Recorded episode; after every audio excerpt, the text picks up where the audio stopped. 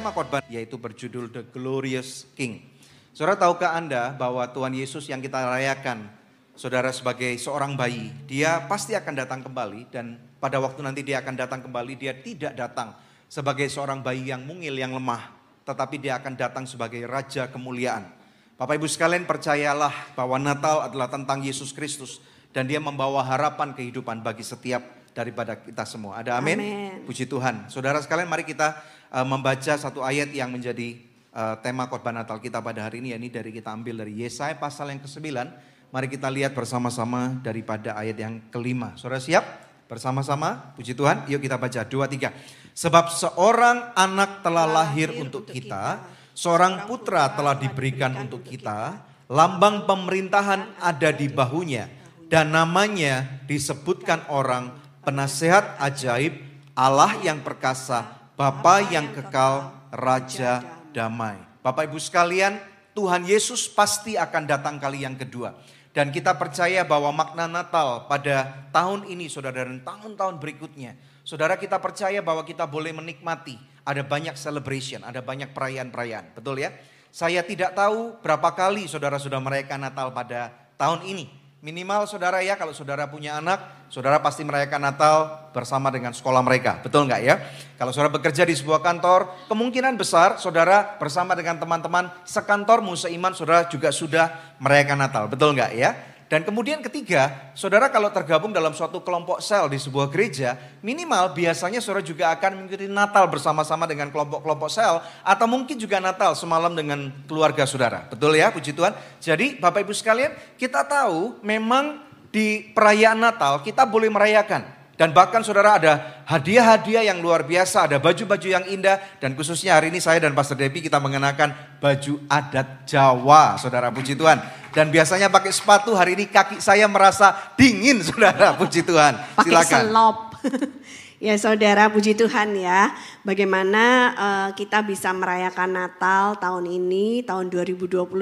Ini semua merupakan anugerah dari Tuhan Yesus Kristus yang percaya kalau bisa merayakan Natal adalah anugerah Tuhan. Coba Yes. lambaikan tangannya ya. Kita bisa melewati tahun Haleluya. 2022 ini masih dalam keadaan sehat, tidak kekurangan apa pun. Itu bukti bahwa Natal itu adalah tentang Yesus Kristus. Amin saudara. Amin. Bukti bahwa kasih Bapa pada manusia itu benar-benar nyata. Ada amin saudara ya. Karena kita harus ingat saudara, esensi Natal yang sebenarnya adalah tentang kelahiran juru selamat ke dalam dunia ini. Bagaimana dunia yang begitu gelap ini terhilang di dalam dosa mereka, tidak ada jalan keluar untuk bisa mencapai kepada Allah Bapa di sorga.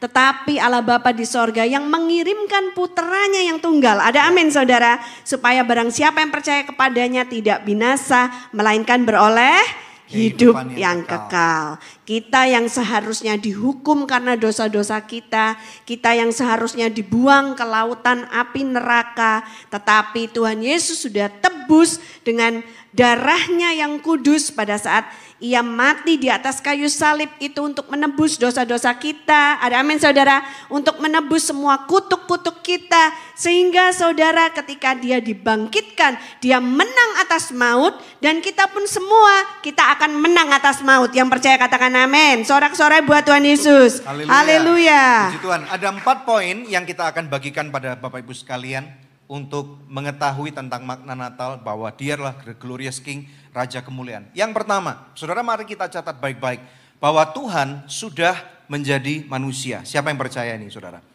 Tahu nggak Bapak Ibu sekalian bahwa percaya atau tidak percaya, saudara Tuhan Yesus memang adalah Tuhan yang menjelma menjadi manusia. Saudara kita tahu bahwa hal itu terjadi karena adanya dosa, saudara. Dosa ini tidak berbicara tentang apa yang saudara dan saya lakukan. Kalau di dalam kehidupan di dalam perjanjian lama, kalau saudara familiar di Alkitab kita ada perjanjian lama saudara ya. Perbuatan dosa itu adalah tindakan di mana ketika seseorang membunuh seseorang itu berdosa. Atau ketika seorang laki-laki ataupun seorang perempuan bersinah, melakukan tindakan persinahan, itu berdosa, saudara ya. Atau tindakan melakukan pencurian, itu uh, berdosa, saudara. Tetapi dosa yang dimaksudkan oleh Tuhan, kadang-kadang kita berpikir, saya ini dosanya apa? Bunuh orang enggak, mencuri enggak, kemudian saudara, saya juga sudah berusaha hidup baik. Tetapi kenapa dikatakan bahwa saya harus bertobat? Kadang-kadang ketika dulu, ketika bahkan saya belum menerima Yesus sebagai Tuhan dan belum mengenal dia, kadang-kadang rada tersinggung saudara. Bertobat dari apa? Saya salah apa gitu saudara? Saya juga nggak mengambil barang orang lain, nggak nyerobot orang, saudara nggak mencuri dan bahkan nggak nipu dalam bisnis dan kadang-kadang membuat orang menjadi bingung. Saudara dengar baik-baik, Alkitab kita mencatat bahwa dosa ini bukan tentang perbuatan kita, tetapi mengenai suatu bibit yang dibawa oleh nenek-nenek moyang kita. Saudara nggak usah ngomong tentang Adam dan Hawa terlalu jauh. Saudara betul nggak ya? Nenek moyang saudara aja, saya nggak pernah kenal mereka saudara. Saya cuma tahu kakek nenek saya. Tetapi lebih daripada itu saya pun kalau misalnya pernah berjumpa ketika saya masih bayi kecil. Bagaimana saya ingat dengan wajah mereka. Betul nggak saudara? Wajah mereka aja nggak ingat. Nama mereka saya tidak tahu saudara ya. Perbuatan baik mereka itu yang dikenang. Betul nggak ya? Itu yang ditularkan, dikasih tahu oleh orang tua orang tua kita, diceritakan. Tetapi yang buruk kita nggak pernah tahu. Betul nggak saudara ya? ya? Apa yang mereka lakukan? Sedangkan di dalam kehidupan di dunia ini kita percaya adanya kutuk. Saudara kutuk itu sekali lagi bukan lagi tentang apa yang kita lakukan. Tetapi masing-masing kita membawa satu benih yang tidak kelihatan. Dan terus dirunut ke atas dan ke atas sampai dengan Adam dan Hawa. Saudara ya. Nah inilah yang terjadi Bukan karena perbuatan saya atau saudara. Tetapi kita dilahirkan sebagai manusia dari satu keinginan nafsu saja itu sudah berdosa di mata Tuhan. Makanya sebenarnya ada cara yang lebih mudah untuk menebus manusia. Tuhan tinggal perintah seperti banyak bos-bos yang lain.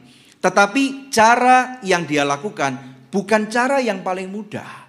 Katakan bukan cara yang paling mudah. Bukan cara yang paling mudah. Katakan bukan cara yang paling mudah. Yang di rumah juga boleh ketikan bukan cara yang paling mudah.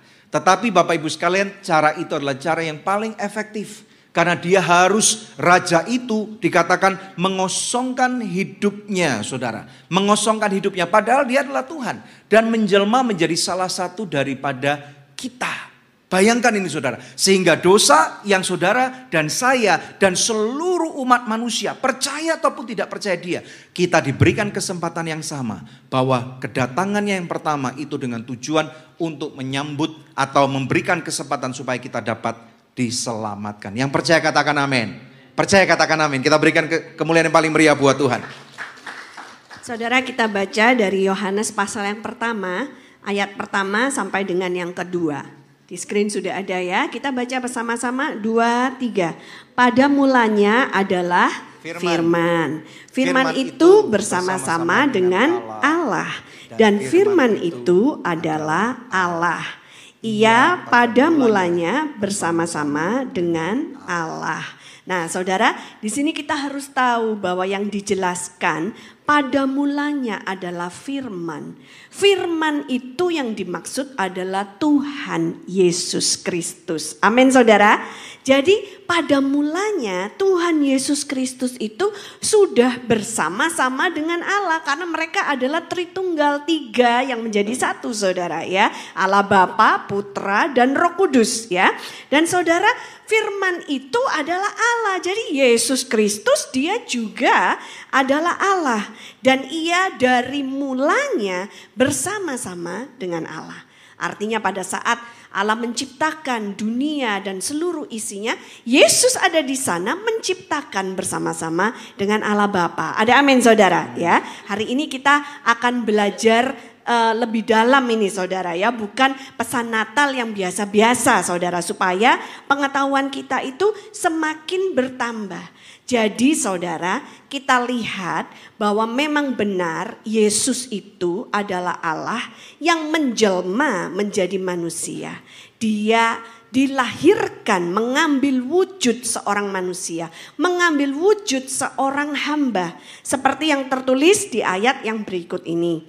Filipi pasal yang kedua ayat 6 sampai 7. Yang walaupun dalam rupa Allah tidak menganggap kesetaraan dengan Allah itu sebagai suatu milik yang harus dipertahankan, melainkan telah mengosongkan dirinya sendiri dan mengambil rupa seorang hamba dan menjadi sama dengan manusia. Itu yang Yesus lakukan.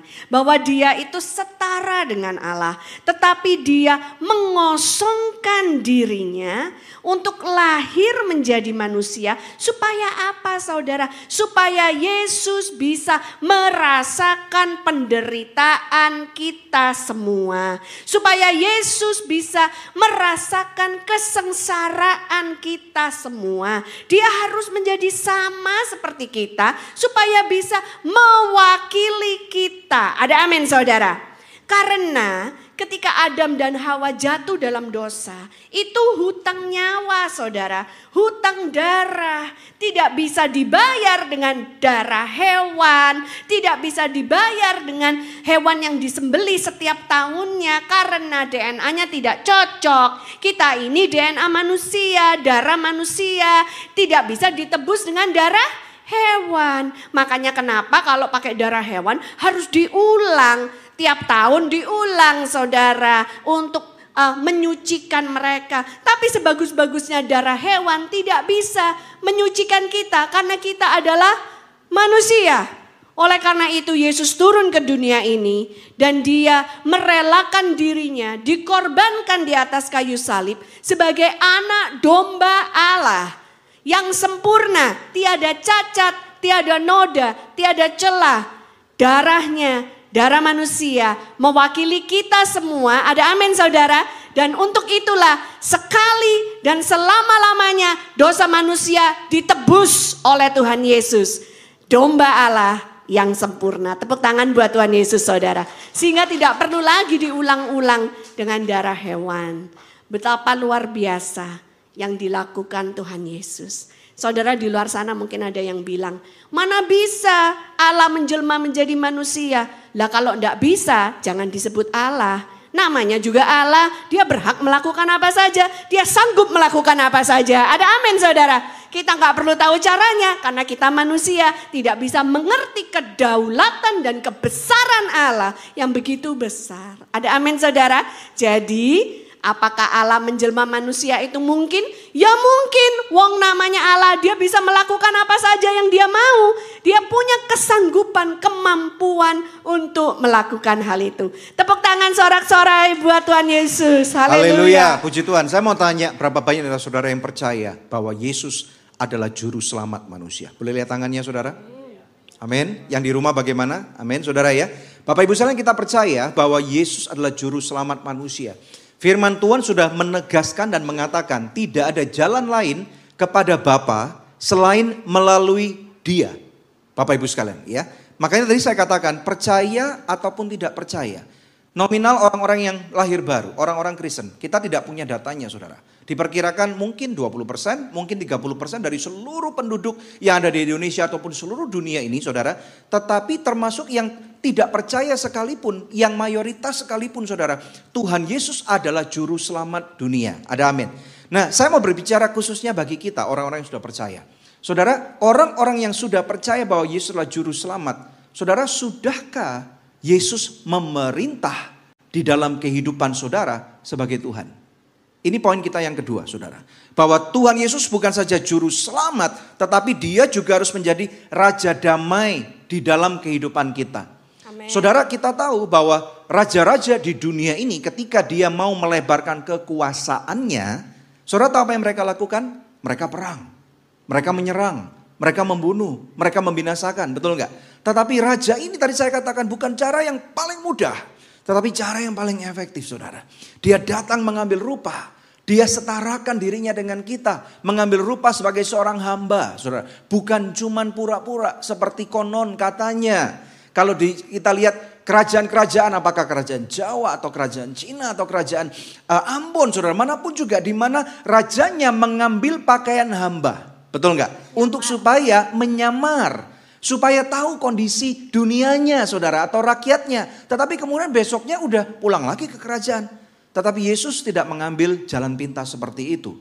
Dia tinggal, dia dilahirkan, saudara. Saudara bisa bayangkan, ya, dia dilahirkan dari ciptaannya. Dia bahkan dilahirkan dengan kondisi yang tidak baik, saudara. Setidak baiknya kita warga negara Indonesia sekarang sudah ada BPJS. Betul nggak? Saudara bisa bayangkan, Yesus Sang Raja itu bukan cuma dilahirkan melalui ciptaannya, tetapi dalam kondisi yang sangat tidak mudah, hina, kemiskinan saudara. Sehingga apa? Supaya kita bisa mengidentitaskan diri kita bersama dengan dia. Makanya sekarang gantian izinkan Tuhan memerintah di dalam kehidupan saudara. Supaya apa? Di dalam kehidupan kita, kita harus belajar. Kita harus mengerti bahwa kita bukan hanya warga negara Republik Indonesia. Tetapi saudara dan saya yang sudah percaya Yesus adalah Tuhan dan Juru Selamat. Izinkan dia menjadi raja. Engkau adalah warga kerajaan surga, saudara. Di mana di dalam kerajaan surga ada aturan, ada tata cara. Katakan tata cara. Tata cara. Katakan aturan. Supaya apa Bapak Ibu sekalian? Supaya pada waktu Tuhan ngomong sesuatu di dalam kehidupan kita, kita harus nurutin aturan itu. Betul nggak saudara? Supaya apa? Di dalam kehidupan kita ada tatanan yang benar. Jangan sampai kita berpikir jalan hidup saya, mah udah pasti benar. Yang penting orang dunia ngomong apa? Yang penting saya bekerja sungguh-sungguh baik-baik. Nggak nipu orang, betul nggak? Lagi-lagi ini konsep moralitas duniawi.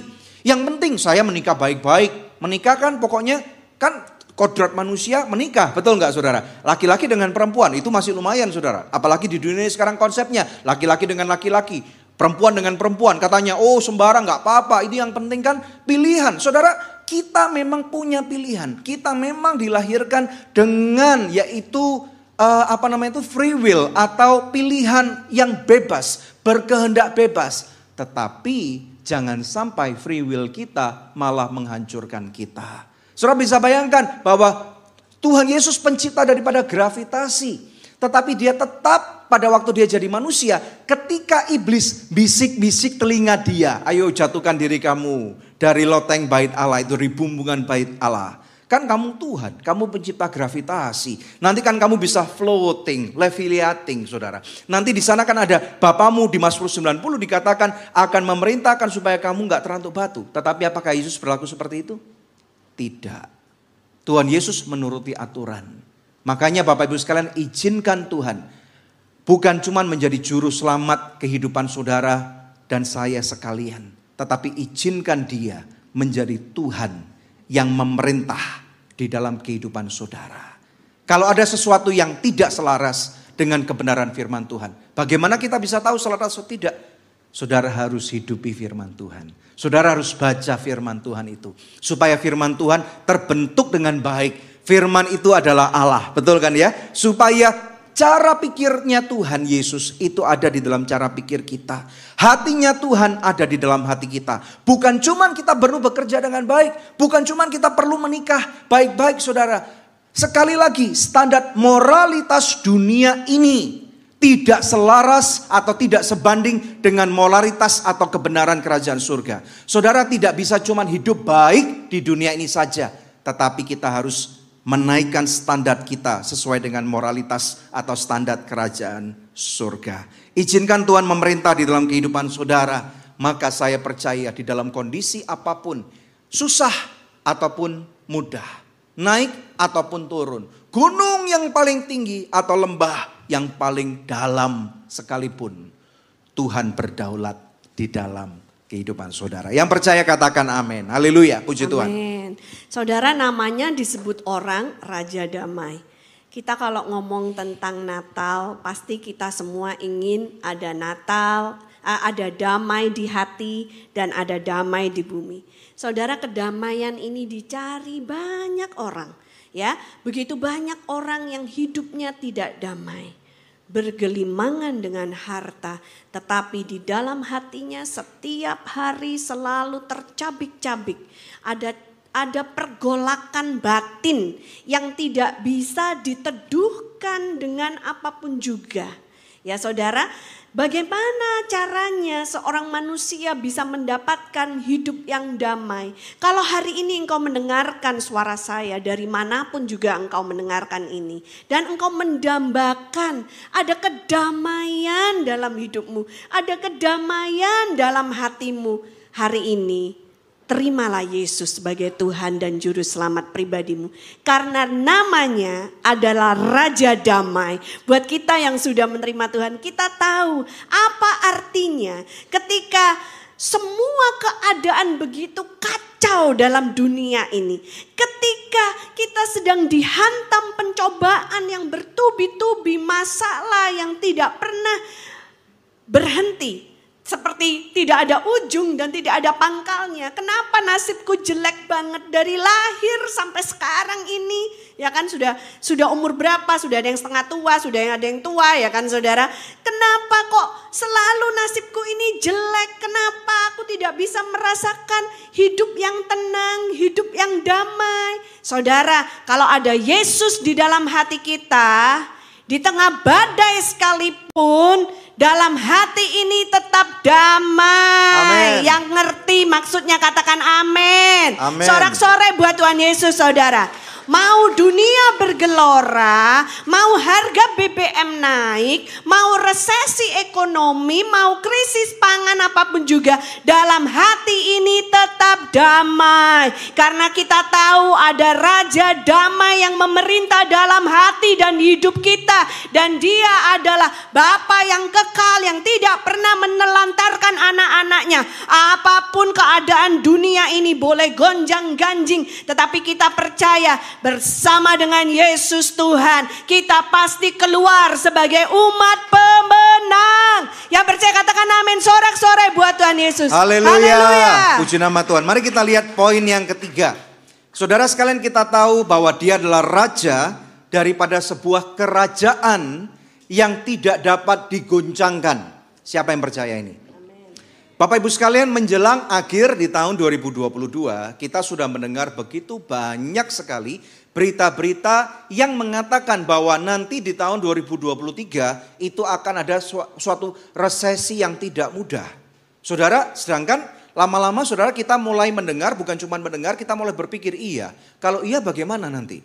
Nah saudara, sedangkan 2023 cuma tinggal tujuh hari lagi nih saudara. Bagaimana nasib kita nih? Bapak Ibu sekalian, sebagai warga kerajaan surga, kita perlu tahu bahwa sekali lagi hidup kita tidak saja cuma ditata oleh aturan negara Republik Indonesia, tetapi kita adalah anak-anak kerajaan surga.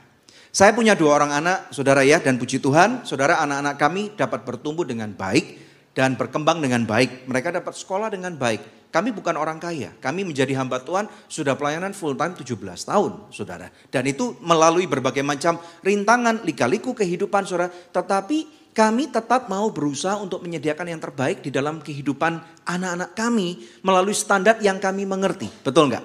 Saudara, Alkitab kita mencatat kalau orang tua yang dianggap dalam tanda kutip jahat saja atau tidak baik menurut ukuran Tuhan, bukan ukuran dunia ini saudara, itu mau memberikan yang terbaik buat anak-anaknya, ketika anak-anaknya minta telur, kita nggak mungkin kasih batu kepada mereka, betul nggak? Apalagi Bapak kita yang di surga. Walaupun dunia mengatakan di tahun 2023 adanya resesi global yang sangat tidak mudah, saya tidak berkata bahwa hal itu tidak mungkin terjadi. Saya berkata mungkin saja terjadi. Makanya kalau saudara mengizinkan dia membuka hatimu, membuka pikiranmu, menjadikan dia bukan cuman supaya alat stepping stone, supaya kamu diselamatkan masuk surga, tetapi justru Tuhan mengatakan aku memerintahkan kamu masuk ke dalam dunia, supaya kamu menjadi alat kerajaan surga. Maka Tuhanlah yang berkewajiban memelihara kehidupan kita. Yang percaya katakan amin. Ada satu ayat yang perlu kita buka dengan baik dan kita mengerti. Ibrani 12 ini berbicara tentang goncangan.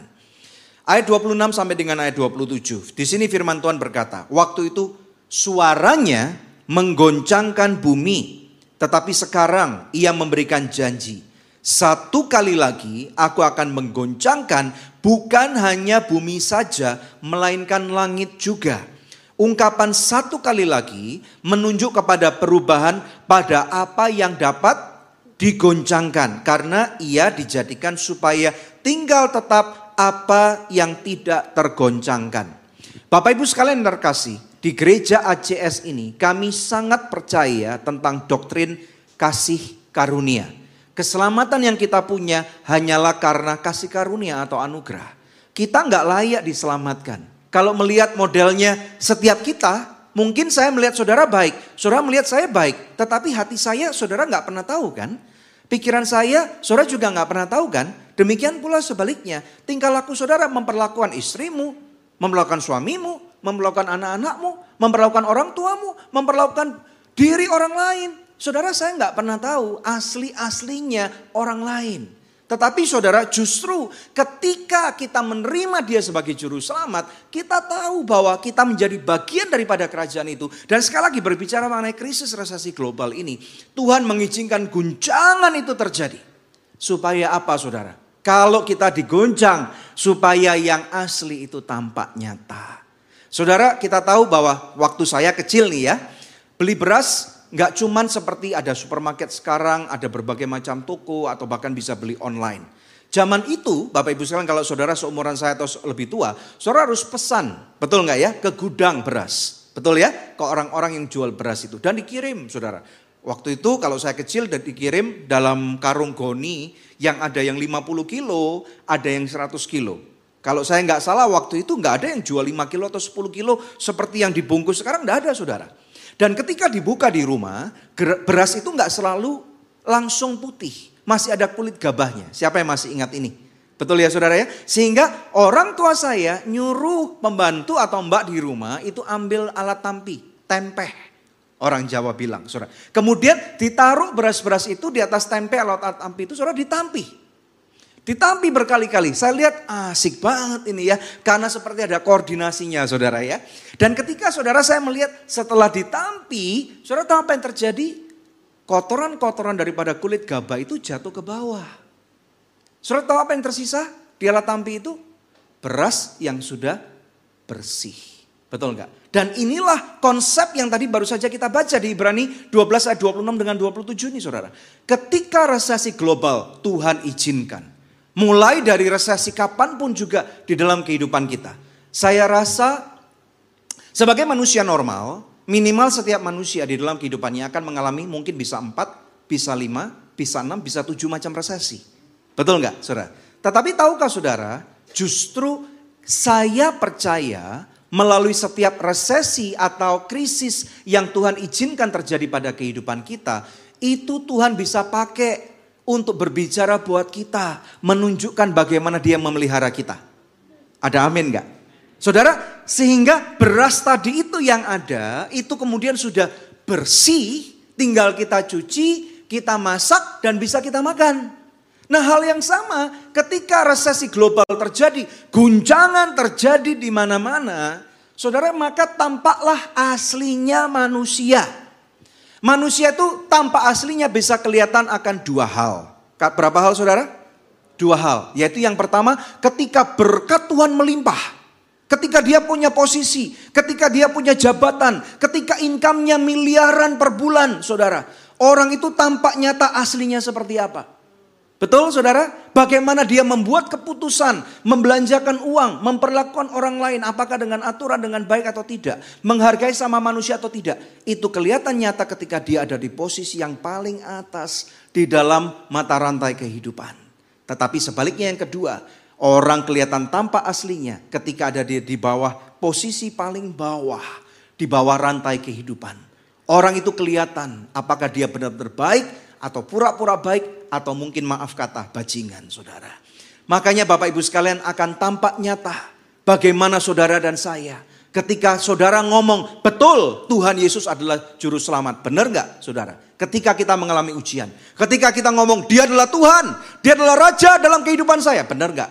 Diuji ketika goncangan itu terjadi. Apakah saudara mau percaya dengan Tuhan ketika kondisimu baik-baik saja, cuman diberkati atau di atas, atau saudara tetap memilih percaya kepada Tuhan ketika kondisimu tidak mudah. Ketika saudara sekarang mungkin sudah menjadi banyak orang yang sudah menjadi lebih senior. Saudara mungkin tidak mempunyai posisi atau power seperti dulu. Apakah saudara masih mau memuliakan Tuhan?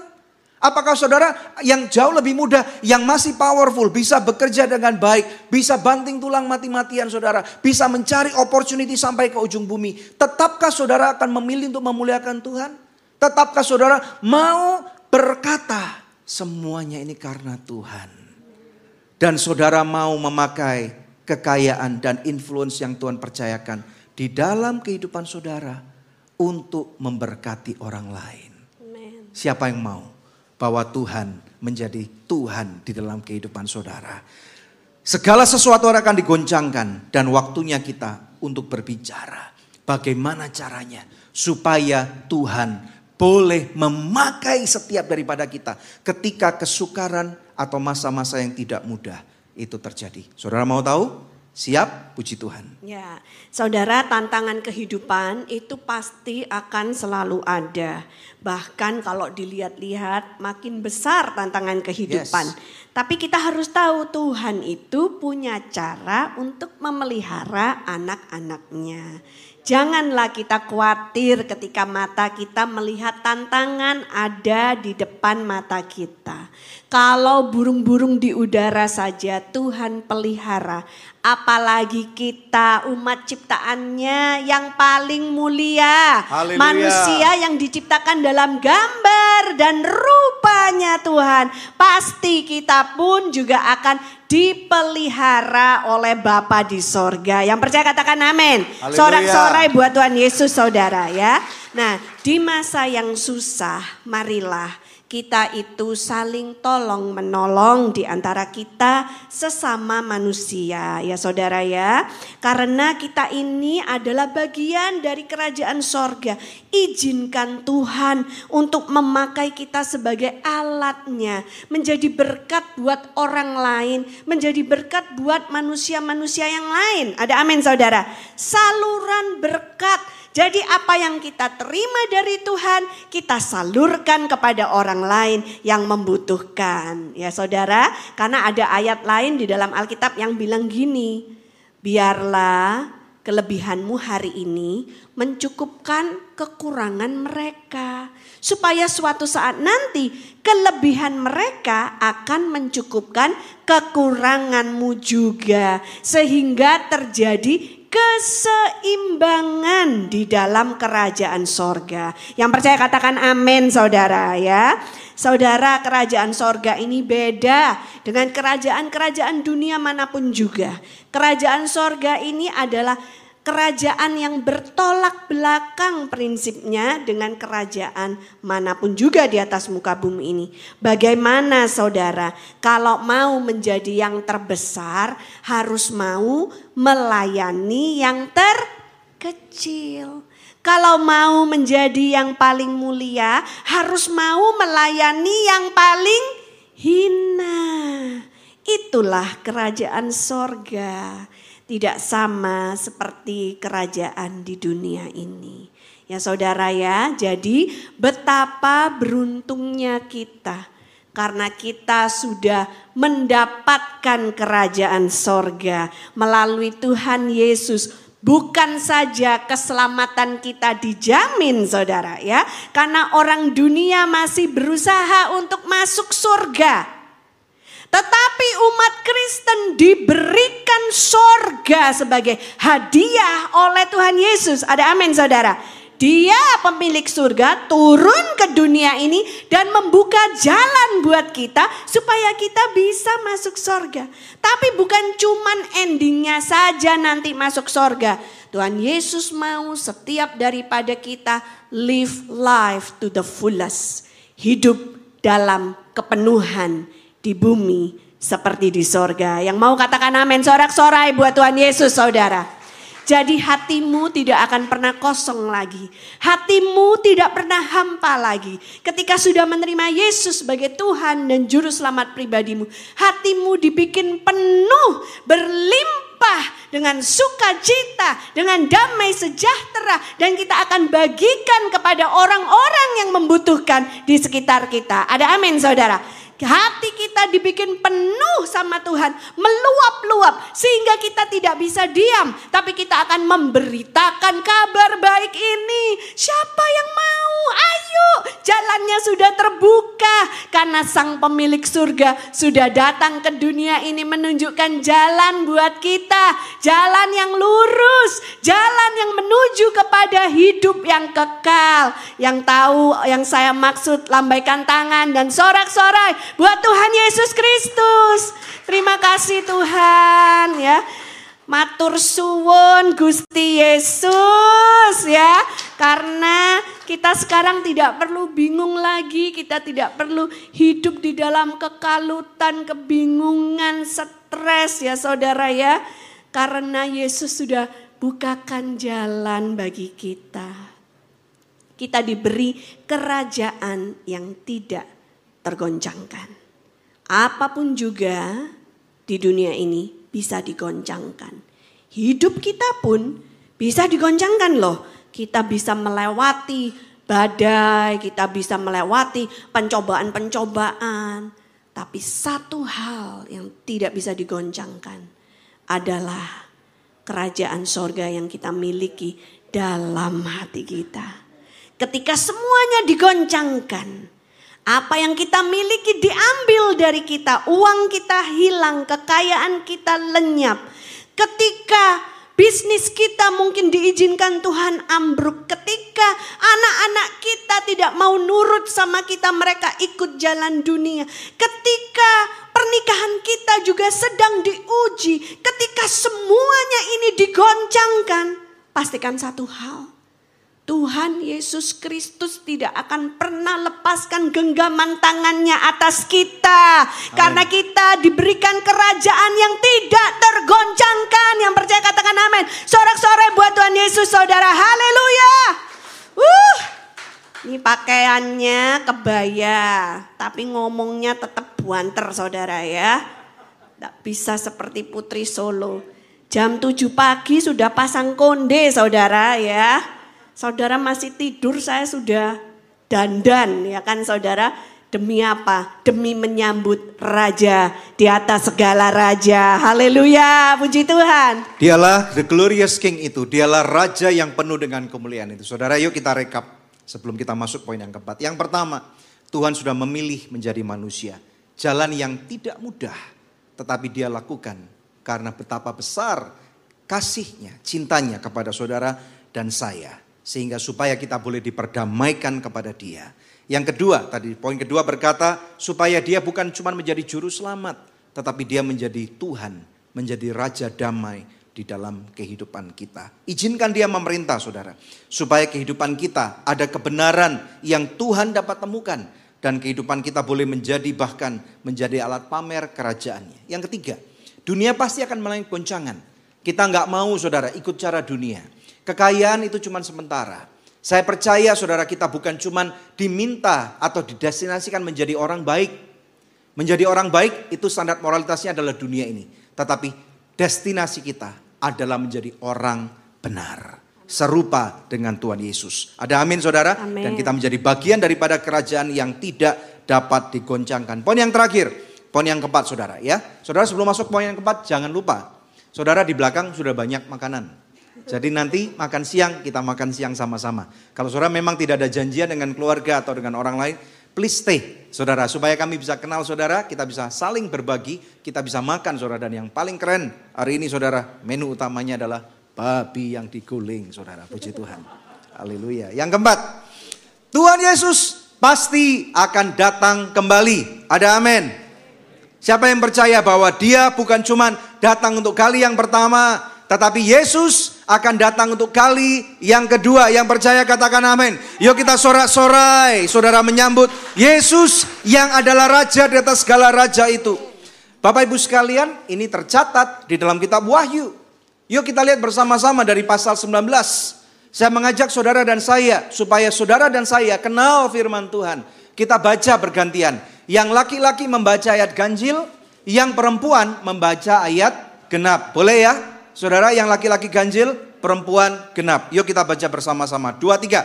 Lalu aku melihat sorga terbuka, sesungguhnya ada seekor kuda putih dan ia yang menungganginya bernama yang setia dan yang benar. Ia menghakimi dan berperang dengan adil. 12 silakan. Ayat 12. Dan matanya bagaikan nyala api. Dan di atas kepalanya terdapat banyak mahkota. Dan padanya ada tertulis suatu nama yang tidak diketahui seorang pun kecuali ia sendiri. 13 bersama-sama lagi ya, 2 3. Dan ia memakai jubah yang telah dicelup dalam darah dan namanya ialah firman Allah. 14 dan semua pasukan yang di sorga mengikuti dia. Mereka menunggang kuda putih dan memakai lenan halus yang putih bersih. 15 dan dari mulutnya keluarlah sebilah pedang tajam yang akan memukul segala bangsa. Dan ia akan menggembalakan mereka dengan gada besi dan ia akan memeras anggur dalam kilangan anggur yaitu kegeraman murka Allah yang maha kuasa. 16 kita baca bersama-sama laki perempuan 2 3 dan, pada jubahnya dan pahanya tertulis, tertulis suatu nama yaitu raja segala raja dan tuan di atas segala tuan. Haleluya. Yuk kita berikan kemuliaan yang paling meriah buat Tuhan. Saudara, second coming atau kedatangan Yesus yang kedua itu pasti akan terjadi. Saudara dan saya kita memang tidak tahu waktunya kapan. Tetapi kalau kedatangan yang pertama sudah dia genapi. Percayalah saudara. Kita percaya ataupun tidak percaya dia pasti akan datang. Saudara, what is the chance? Saudara mau mengikuti yang 50% probabilitas bahwa Tuhan Yesus palsu? Bagaimana dengan yang 50%? Kalau Tuhan Yesus akan asli. Saudara, apa ruginya kalau saudara menggunakan probabilitas atau percaya ngikut Percaya bahwa Tuhan Yesus ini asli. Apa ruginya? You have nothing to lose. Saudara, kalau saudara misalnya Tuhan Yesus benar-benar asli, nanti kalau sampai kematian itu datang, ajal menjemput kehidupan kita, there is no turning back. Kita nggak bisa kembali. Saudara, jadi daripada saudara, saudara seperti orang betting, seperti orang berjudi, 50-50, dan saudara memilih untuk yang tidak percaya, kan rugi, saudara. Daripada gitu, ayo saya berdoa biarlah hari ini roh kudus saja yang melembutkan hati saudara dan saya sekalian. Karena omongan manusia saudara. Saudara saya bisa ngomong seribu atau satu miliar kata-kata. Tetapi kalau Tuhan atau roh kudus tidak melembutkan hati orang itu nggak bakal bisa. Tetapi satu kata-kata rema yang dipakai oleh Tuhan. Dan Tuhan melembutkan hati saudara termasuk yang ada di rumah. Saya berdoa saudara akan percaya bahwa dia adalah Tuhan dan Juru Selamat. Saudara ayo kita selaraskan hidup kita. Firman Tuhan mengatakan dia pasti datang. Dialah Raja di atas segala Raja. Tuhan di atas segala Tuhan saudara. Haleluya. Nah saudara tadi di kitab Wahyu yang kita baca itu. Tuhan Yesus sudah bentuknya beda saudara. Dia sudah dalam tubuh kemuliaan ya. Jadi tidak lagi dalam rupa seorang bayi yang kecil mungil seperti waktu dia dilahirkan 2000 tahun yang lalu. Amen. Nanti kalau Tuhan Yesus datang untuk kedua kalinya, modelnya sudah tidak seperti itu saudara. Dia menunggangi kuda dan tadi digambarkan di kitab Wahyu itu saudara ya.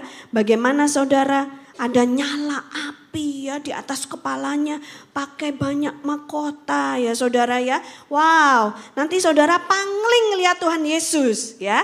Jadi makanya kami punya kewajiban untuk memberitahukan kepada jemaat ACS kalau menyambut kedatangan Yesus kita harus tahu nanti modelnya Yesus sudah bukan lagi bayi yang mungil. Amen. Setiap Natal kita kok selalu dramanya bayi yang mungil itu sudah 2000 tahun. Sekarang model Yesus sudah bukan bayi yang mungil. Kita harus siap-siap menyambut raja di atas segala raja, Haleluya. Tuhan di atas segala Tuhan untuk datang kembali ke dunia untuk yang kedua kalinya menjemput umat pilihannya, orang-orang kudus di atas awan-awan. Kita harus bersiap-siap saudara. Ya, dan saudara tadi di ayat 13 dikatakan ia memakai jubah yang telah dicelupkan dalam darah dan namanya ialah firman Allah. Ingat tadi saudara kitab Yohanes yang kita baca pada mulanya adalah firman. Firman itu ada adalah Allah. Ia bersama-sama dengan Allah. Jadi Tuhan Yesus itu adalah firman Allah. Ia ada dari mulanya dan sampai selama-lamanya. Tuhan Yesus tetap ada, tidak berubah dan dia akan menjemput kita di awan-awan yang mau lambaikan tangan. Sorak-sorai buat Tuhan Yesus. Haleluya. Pertanyaannya, Pastor Daniel, Pastor Debbie, kapan sebenarnya Yesus akan datang kali yang kedua? Siapa yang mau tahu? Yuk kita lihat Alkitab, sehingga bukan kata kami, saudara, tetapi kata Alkitab. Kita buka ayat daripada kitab Alkitab yang terakhir sekali. Wahyu 22. Kan kalau kita mau lihat end game, saudara ya, end game itu berarti akhir daripada sebuah permainan, akhir daripada sebuah pertarungan, akhir daripada suatu rencana bisnis. Betul ya saudara, itu adalah end game. Wahyu 22 ayat 20 sampai dengan 21. Ini bukan cuma kitab yang terakhir, bukan cuma pasal yang terakhir, tapi dua ayat terakhir. Amin. Ya, mari kita lihat, kita baca bersama-sama. Dua, tiga. Ia yang memberi kesaksian tentang semuanya ini berfirman, "Ya, aku datang segera." Saudara jawab apa? Amin. Datanglah, Datanglah Tuhan. Yesus. Dan firman Tuhan berkata, kasih karunia Tuhan Yesus menyertai kamu sekalian yang percaya dan diberkati Tuhan bahwa dia adalah raja di atas segala raja. Dia bukan saja lagi sebagai bayi yang kecil yang mungil yang tidak bisa menolong dirinya sendiri tetapi dia adalah the glorious king, raja di atas segala raja. Dialah hakim yang agung. Dia adalah Tuhan daripada segala Tuhan. Ayo kita bangkit berdiri, kita berikan kemuliaan yang paling meriah yes. buat Tuhan Amen. Yesus Amen. Kristus. Haleluya. Amin. Haleluya. Mari kita menyembah Dia. Dan saudara ini sebagai penutup saudara ya, kita harus tahu bahwa Alkitab kita itu dimulai dari mati uh, dari kejadian. kejadian pasal yang pertama. Ayat yang pertama itu bunyinya pada mulanya. In the beginning. Dalam bahasa aslinya adalah Beresit. Ya. Belajar Ibrani dikit saudara ya. Beresit. Itu awal mula katanya adalah be saudara. Apa? Be. Di Alkitab kita ayat terakhir tadi yang kita baca, Wahyu ayat yang terakhir, itu adalah amin. Kata terakhirnya adalah men, ya n. Oke saudara, apa saudara? N. Saudara tahu nggak Alkitab kita kata pertama dengan kata terakhir kalau digabungkan itu adalah ben. Bah and n menjadi ben. Ben itu dalam bahasa Ibrani artinya putra son.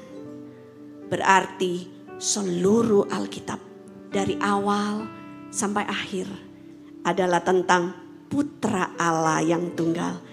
Yesus Kristus namanya. Yang percaya katakan amin. Sorak-sorai buat Tuhan Yesus saudara. Berbahagialah Anda yang sudah percaya kepada Yesus sebagai Tuhan dan Juru Selamat pribadimu. Yang belum ambil keputusan hari ini untuk menyerahkan hatimu kepada Tuhan Tuhan sudah berdiri di sana, mengetok pintu hatimu, bukakan dan undang Yesus masuk di dalam hatimu. Sehingga ia juga akan menjadi Tuhan, Juru Selamat dan memerintah sebagai Raja di dalam hidup dan di dalam hatimu. Amin. Haleluya. Bapak Ibu sekalian mari kita akhiri kebaktian yang terakhir ini. Ibadah yang terakhir di tahun ini. Kalau Bapak Ibu sekalian belum mendapatkan lilin, saudara boleh angkat tangan sehingga Aser boleh membantu saudara. Kalau memang sudah ada lilin, yuk kita nyalakan lilin kita saudara ya. Puji Tuhan semuanya zaman elektronik. Kita boleh pakai lilin elektronik saudara. Yang di rumah saudara kita boleh menikmati keheningan Natal. Dan saya berdoa bukan cuma saudara hening dan kemudian merasa kesepian. Tetapi lebih daripada itu kita mau merenung. Dan ketika saudara merenung pastikan bahwa engkau membuka hati dan pikiranmu. Undang dia masuk ke dalam hati saudara. Silakan.